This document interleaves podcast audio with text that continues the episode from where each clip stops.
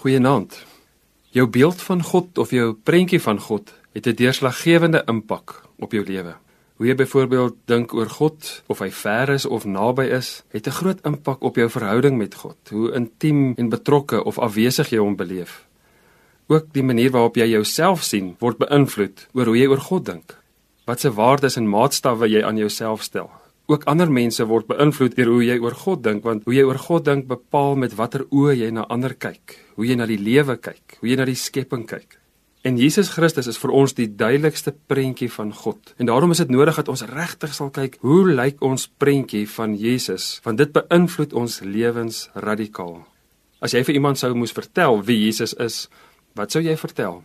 Ek dink die meeste mense sou begin by die geboorte van Jesus tot en met die hemelvaart, maar Ek wonder of dit alles is.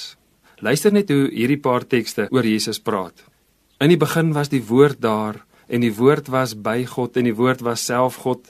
Alles het deur hom tot stand gekom. Ja, nie 'n enkele ding wat bestaan het sonder hom tot stand gekom nie. Voor alles was hy al daar. Dit is in Kolossense 1. En deur hom bly alles in stand. Deur hom het hy alles met homself versoen.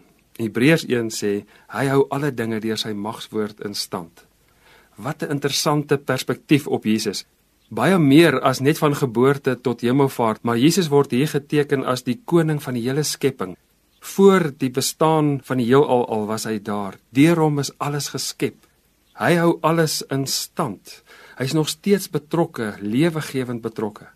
Ek dink die grootste gevaar vir Christene is om te klein oor God te dink en veral oor die kosmiese werking van Christus in die hele skepping. En as ons vergeet dat sy verborgde krag oral aan die werk is. Die implikasies vir ons elke dag se lewe is so groot. Om te dink dat jy God kan ontmoet in die natuur, want sy voetspore lê die hele wêreld vol, in mense, in gebeure.